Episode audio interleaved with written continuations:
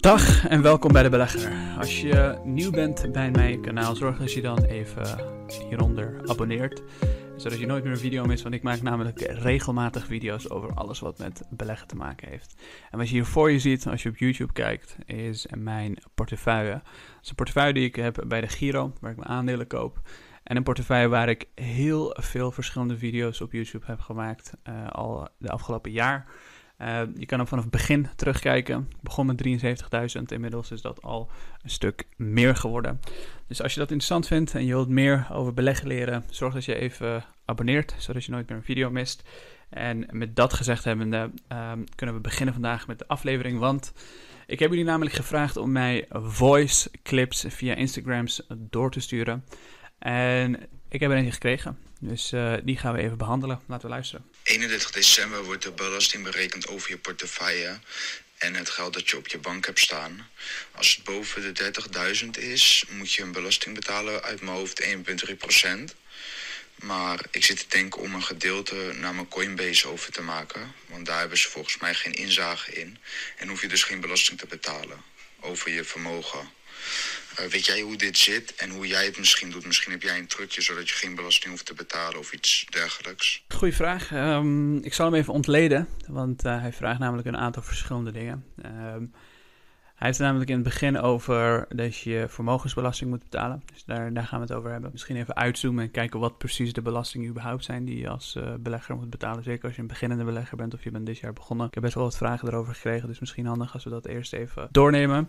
En als tweede vraagt hij: heb ik een trucje om geen belasting te betalen? Nou, daar kan ik heel kort over zijn. Nee, ik betaal gewoon altijd netjes mijn belasting en daar kom je ook niet onderuit. En ik zou het ook niet proberen.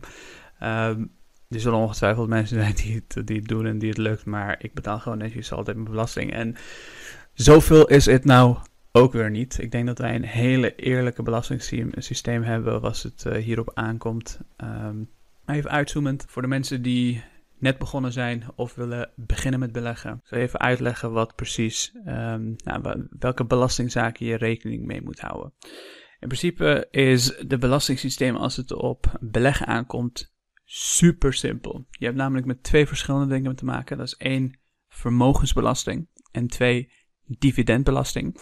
De tweede, daar hoef je in principe, uh, nou, je hoeft, zo, je hoeft je over beide geen zorgen te maken, maar die tweede, dat wordt automatisch door je broker voor je geregeld. Zodra jij straks op de Giro een aandeel koopt en die betaalt een dividend, dan wordt daar 15% vanaf gehaald en die kun je later verrekenen met je belastinginkomsten. Um, en eventueel dus terugkrijgen ook. Um, dat is hoe simpel het is. Het wordt over het algemeen automatisch voor je um, uh, berekend aan het einde. Als je je bij de Belastingdienst inlogt. En je krijgt ook een jaaroverzicht van de Giro om het nog even na te checken. Dus dat is heel simpel. Dat is één dividendbelasting. Aan de andere kant heb je te maken met vermogensbelasting.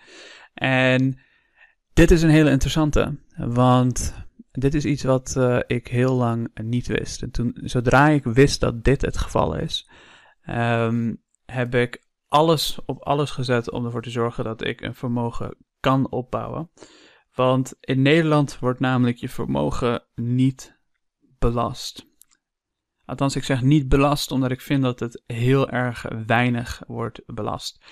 Um, maar dat is helemaal niet raar. Ik denk juist dat in Nederland uh, dat we een hele eerlijke systeem uh, hebben. Je betaalt. Um, ik zal even eerst meenemen in hoeveel belasting je betaalt en hoe dat precies in elkaar zit. En dan vertel ik je even mijn mening erover. En een klein geheimpje voor mensen die ook een vermogen willen opbouwen. Want vermogen klinkt iets voor rijke mensen, maar geloof me, dat is het niet.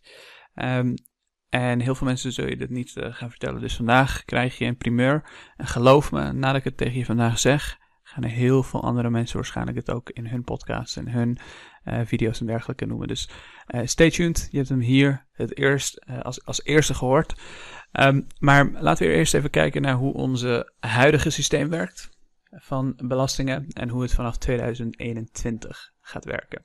Want hoe het nu werkt is, um, als jij een vermogen van boven de 30.000 hebt, dan heb je met vermogensbelasting te maken.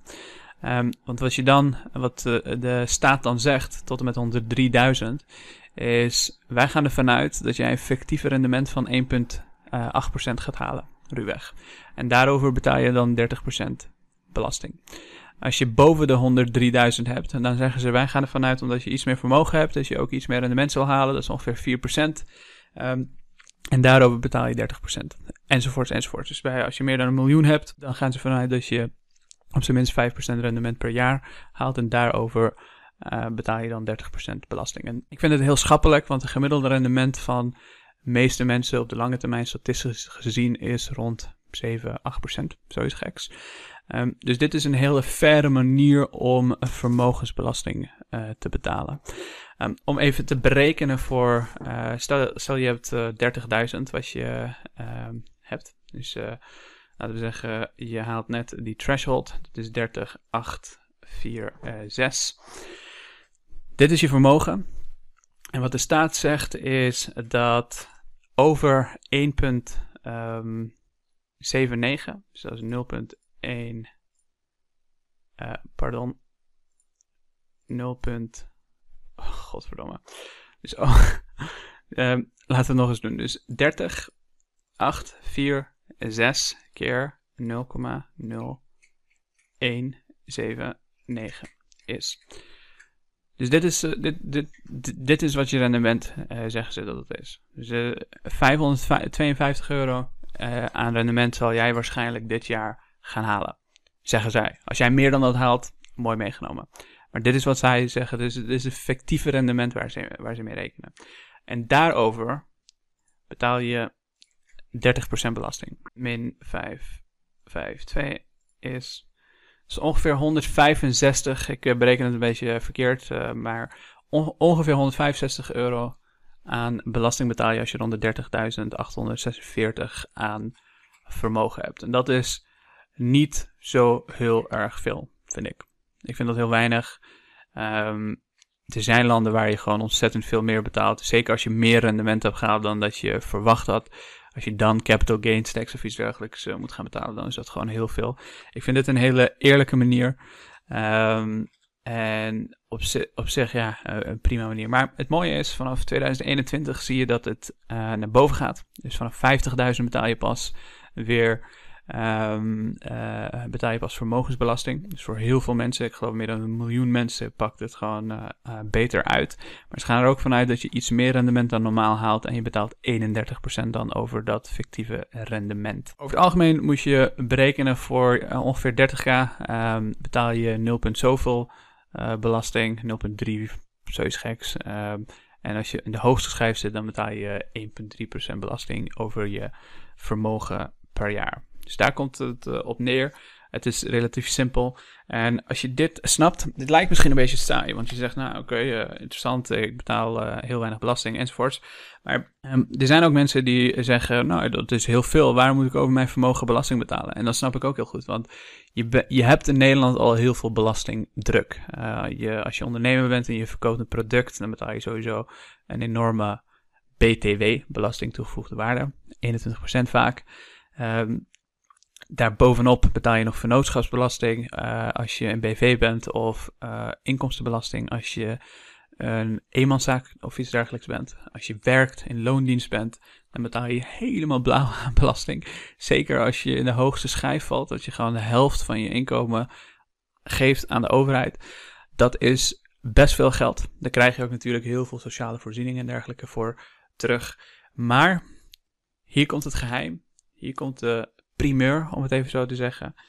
Dit biedt heel veel kansen. Want als jij, um, om, een idee te geven, ik, ik ken heel veel mensen die heel goed verdienen, maar die aan het einde van de maand helemaal niks overhouden. Deze mensen die weten namelijk niet dat je niet heel veel geld per se hoeft te hebben. Kijk, als jij een uh, uh, geluk hebt gehad en je bent op je 16 een of andere gek bedrijf begonnen en dat is een beetje goed gelopen, dat heb je verkocht uh, en je hebt een vermogen opgebouwd.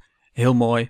Uh, top. Voor de meeste mensen is dat niet weggelegd. Dus wat de meeste mensen eigenlijk moeten doen, of je nou veel of weinig verdient, is zorgen dat je zoveel mogelijk vrij besteedbaar inkomen hebt. Snap je? Dus niet meer geld. Want zodra je meer geld hebt, waarschijnlijk ga je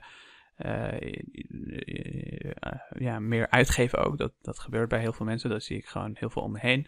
Maar wat je wilt doen, idealiter, is meer vrij besteedbaar inkomen hebben. Want dat vrij, vrij besteedbaar inkomen, laten we zeggen, je kan 1000 extra per maand opzij zetten.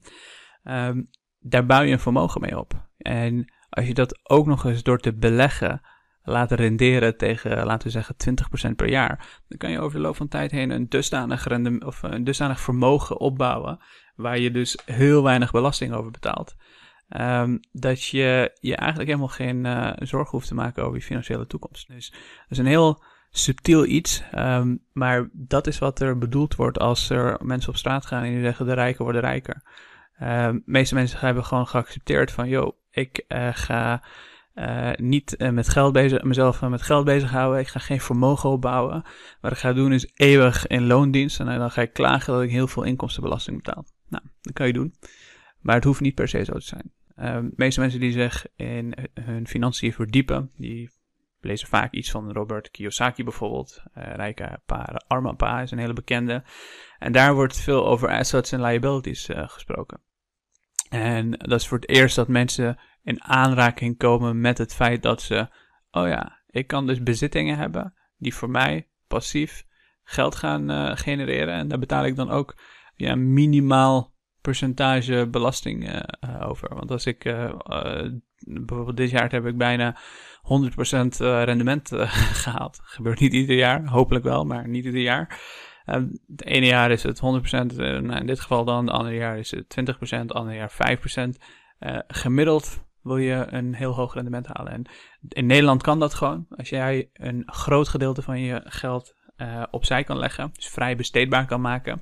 En dat kan gaan beleggen, dan bouw je vermogen op. En vermogen is niet alleen voor rijke mensen. Iedereen kan het. Als jij 300, 400 euro per maand te besteden hebt en je haalt een prima rendement, zelfs als je de marktgemiddelde pakt door een ETF te beleggen, dan kan je over de lange termijn gewoon een vermogen opbouwen. Maar goed, dit is iets wat niet heel veel mensen tegen je zullen gaan vertellen. En de overheid en de uh, grote instituties in Nederland, die zullen ook niet heel makkelijk opstaan en dit aan je vertellen. Want als iedereen op hun vermogen leeft, dan zullen er heel weinig mensen zijn die werken. En we hebben toch wel mensen nodig die bepaalde banen en dergelijke gaan doen. Um, dus zij zijn er alleen maar bij gebaat dat jij heel lang blijft doorwerken, hele hoge belastingen gaat betalen inkomstenbelasting heb ik het dan over. En vooral heel weinig vermogen hebt. Uh, en daarmee bedoel ik niet dat ze kwaadwillend zijn. Uh, maar dat is gewoon simpelweg hoe een systeem uh, werkt en elkaar zet. Om mensen te stimuleren om te gaan werken. In de arbeidsmarkt mee te doen. Inkomstenbelasting te betalen. Zodat we allemaal de sociale voorzieningen hebben die we nu hebben. Waar niks mis mee is overigens. Alleen idealiter als je jezelf gemakkelijk wil maken. Zorg dat je een vermogen opbouwt. En dat doe je alleen door een zo groot mogelijk vrij besteedbaar inkomen te hebben. En naar mijn mening dan in ieder geval te gaan beleggen.